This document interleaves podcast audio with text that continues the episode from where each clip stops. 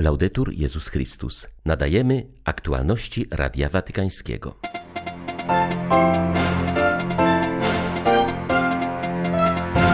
Pierwsze po 56 latach uroczystości liturgiczne odbędą się w niedzielę Chrztu Pańskiego na zachodnim brzegu Jordanu. Wcześniej miejsce chrztu Jezusa było zaminowane i niedostępne dla cywilów. Chorwaci pilnie potrzebują pomocy, aby poradzić sobie ze skutkami trzęsienia ziemi, które dotknęło ich kraj, zwraca uwagę nuncjusz apostolski w Zagrzebiu.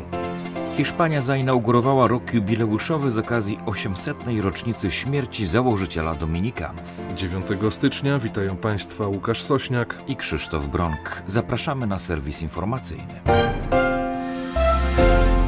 Leżące na zachodnim brzegu Jordanu miejsce chrztu Jezusa, które do niedawna było ogromnym polem minowym, znów będzie dostępne dla wiernych. Pierwsze po 56 latach uroczystości liturgiczne odbędą się w tym miejscu w niedzielę Chrztu Pańskiego. Obszar, z którego usunięto ponad 4000 min, ponownie staje się miejscem pokoju i modlitwy, podkreśla ojciec Ibrahim Faltas. Franciszkanin z Kustodii Ziemi Świętej przypomina, że miejscowość Kasr al-Yahud, którą tradycja wiąże z chrztem Zbawiciela, była niedostępna od 1967 roku. Obszar wielkości 55 hektarów został zaminowany i stał się zamkniętym terenem wojskowym. Ponowne otwarcie tego miejsca dla pielgrzymów i turystów będzie historycznym dniem, mówi Radiu Watykańskiemu ojciec Faltas. Będzie to wspaniałe święto, naprawdę wielki dzień, szczególnie dla nas, Franciszkanów, którzy nigdy nie zapomnieliśmy o tym świętym miejscu, nawet wówczas, gdy było ono dla nas niedostępne. W tym miejscu w 1920 roku został wybudowany klasztor pod wezwaniem świętego Jana Chrzciciela. Niestety w 1967 roku straciliśmy to miejsce z powodu wojny i teraz po 54 latach wracamy tam, by na nowo sprawować Eucharystię. Obchody Niedzieli Chrztu Pańskiego ponownie właśnie w tym miejscu to będzie historyczne wydarzenie. Liturgii przewodniczyć będzie ojciec Francesco Patton, przełożony kustodii Ziemi Świętej. Obecny będzie również nuncjusz apostolski w Jerozolimie, a także grupa franciszkanów. Z powodu pandemii będzie nas zaledwie 50 osób.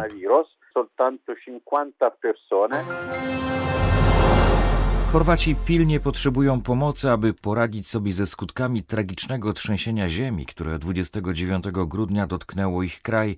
Zwraca na to uwagę nuncjusz apostolski w Zagrzebiu, który w imieniu papieża udał się do miejscowości, które najbardziej ucierpiały na skutek kataklizmu.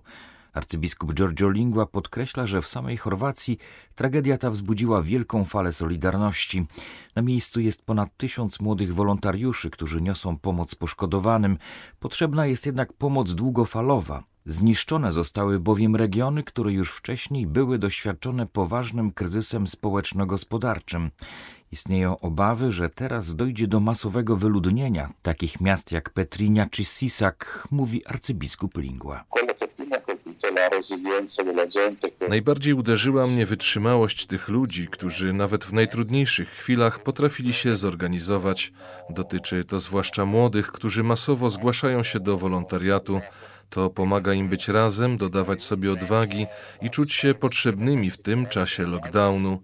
Bardzo dużo robi też Caritas. Oddano do jej dyspozycji wielki magazyn, gdzie zbierane są różnego rodzaju materiały i organizuje się pomoc. Największym problemem jest jednak to, że Ziemia wciąż się trzęsie. To ma bardzo negatywny wpływ na ludzi, odbiera im ufność, zasiewa lęk. Ludzie nie wiedzą, czy będą mogli tu pozostać, czy też będą musieli stąd odejść. Ja również podczas mojej krótkiej wizyty wielokrotnie odczuwałem wstrząsy, widziałem jak zawalają się dachy.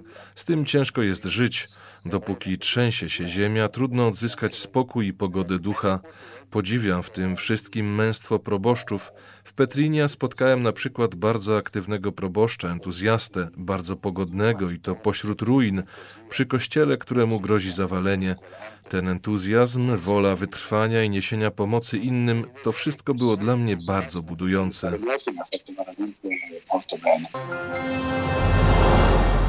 Również ekonomia może wnieść swój wkład do egzegezy Pisma Świętego. Są o tym przekonani twórcy ekonomicznej szkoły biblijnej związanej z ruchem Focolari. Od trzech lat organizują kursy, w których analizują wzajemne oddziaływanie Biblii i gospodarki. Tematem najnowszej sesji jest Księga Hioba, która podejmuje temat bezinteresowności i teologii wynagrodzenia. Wykłady odbywają się tym razem w internecie, a prowadzi je profesor Luigino Bruni, ekonomista i historyk ekonomii z Rzymskiego Uniwersytetu Lumsa.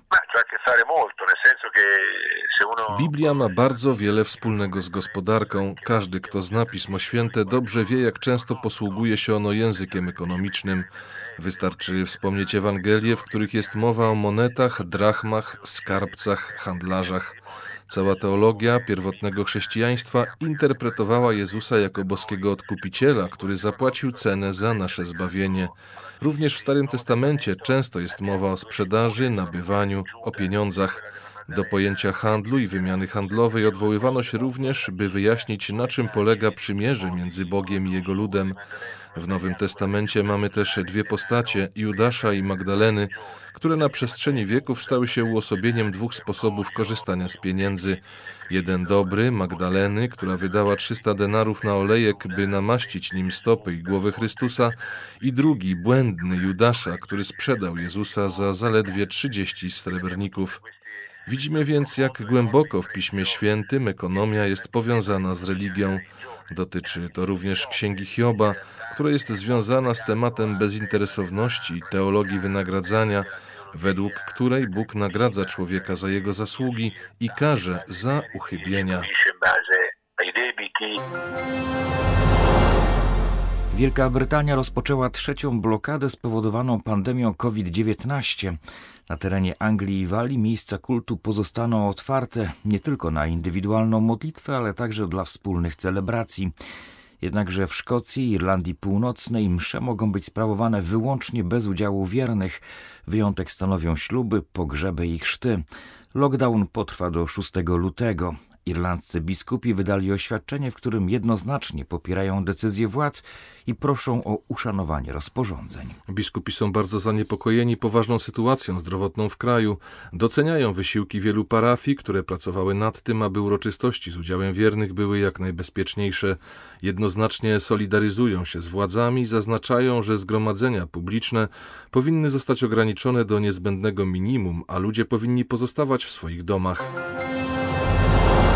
Kościół katolicki, a także inne ośrodki religii w Anglii i Walii doświadczają narastających trudności finansowych.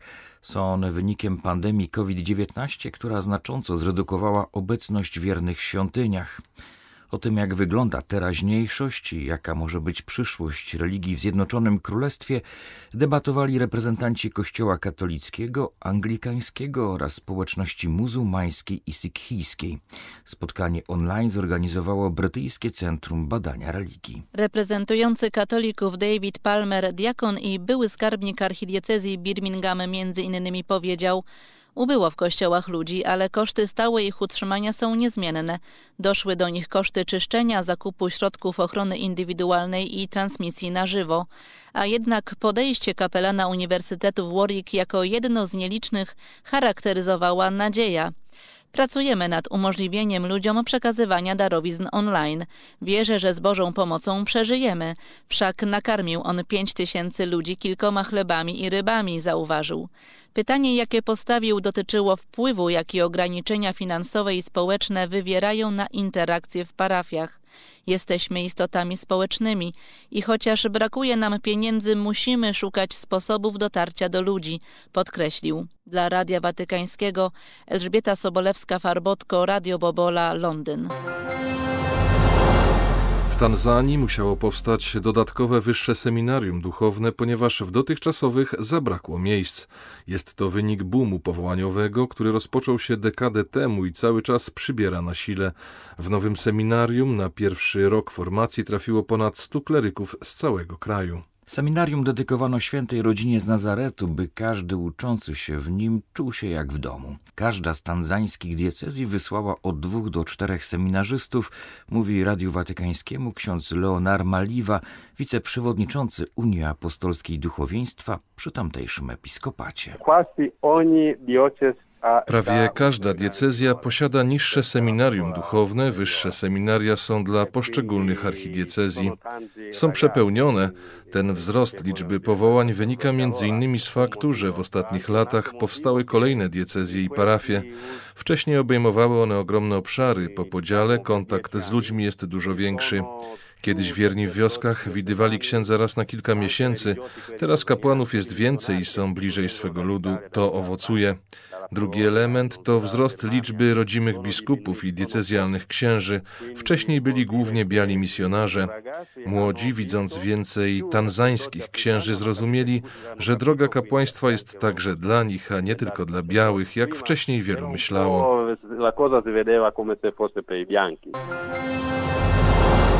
Hiszpanii, w kościele świętego Pawła w Palencji, miejscowy ordynariusz biskup Manuel Herrero zainaugurował rok jubileuszowy z okazji 800. rocznicy śmierci świętego Dominika Guzmana. Według tradycji klasztor świętego Pawła został założony przez samego Dominika w 1219 roku. Gotycki kościół jest architektonicznym skarbem Palencji. W uroczystej inauguracji roku jubileuszowego, który przebiegnie pod hasłem Przy stole ze świętym Dominikiem, udział wzięła rodzina dominikańska, zakonnicy i świeccy przy zachowaniu wszystkich przepisów sanitarnych. Święty Dominik był gwiazdą w kościele, która niosła Słowo Boże, Boże światło i prowadziła ludzi do Boga. Za przykładem świętego Dominika bądźmy kaznodziejami, Uczmy się w szkole Jezusa Chrystusa, stańmy się współuczniami przy stole Słowa i Eucharystii i dzielmy się radością Ewangelii, powiedział w homilii biskup Manuel Herrero. Święty Dominik urodził się w miejscowości Caleruega koło Burgos w 1170 roku. Mając 14 lat przybył do Palencji, gdzie studiował najpierw sztuki wyzwolone, a potem teologię. Przez cztery lata uczył w studium generalnym w Palencji, które jest uważane za pierwszy uniwersytet hiszpański. Z Madrytu dla Radia Watykańskiego ojciec Marek Raczkiewicz, redemptorysta. W łączności duchowej upłynęła na Jasnej Górze trzynasta patriotyczna pielgrzymka kibiców. Ze względu na pandemię wzięła w niej udział tylko delegacja, a znaczna część uczestniczyła w modlitwie w 40 różnych kościołach w Polsce i za granicą. W tym roku kibicowska pielgrzymka dedykowana była bohaterom narodowym w 70. rocznicę śmierci Łukaszowi Cieplińskiemu, jednemu z dowódców Armii Krajowej i w 120. rocznicę urodzin rotmistrzowi Witoldowi Pileckiemu, wybitnemu działaczowi polskiego podziemia, który zasłynął dobrowolnym pobytem w Auschwitz, powiedział ksiądz Jarosław Wąsowicz, jeden z inicjatorów pielgrzymki. To środowisko od wielu, wielu lat przywraca pamięć o naszych zapomnianych bohaterach. Oni są dla nas ważni i korzystając z ich doświadczenia, z świadectwa ich życia, chcemy dzisiaj także budować taką Polskę, jakiej oni marzyli. Kibice utworem w wykonaniu Pawła Piekarczyka oddali też hołd arcybiskupowi Antoniemu Baraniakowi, niezłomnemu kapłanowi. W pielgrzymce wzięła udział Zofia Noceti Klepacka, windsurferka, olimpijka i mistrzyni świata, fanka Legii Warszawa. Mam napięty ten grafik e, swój sportowy.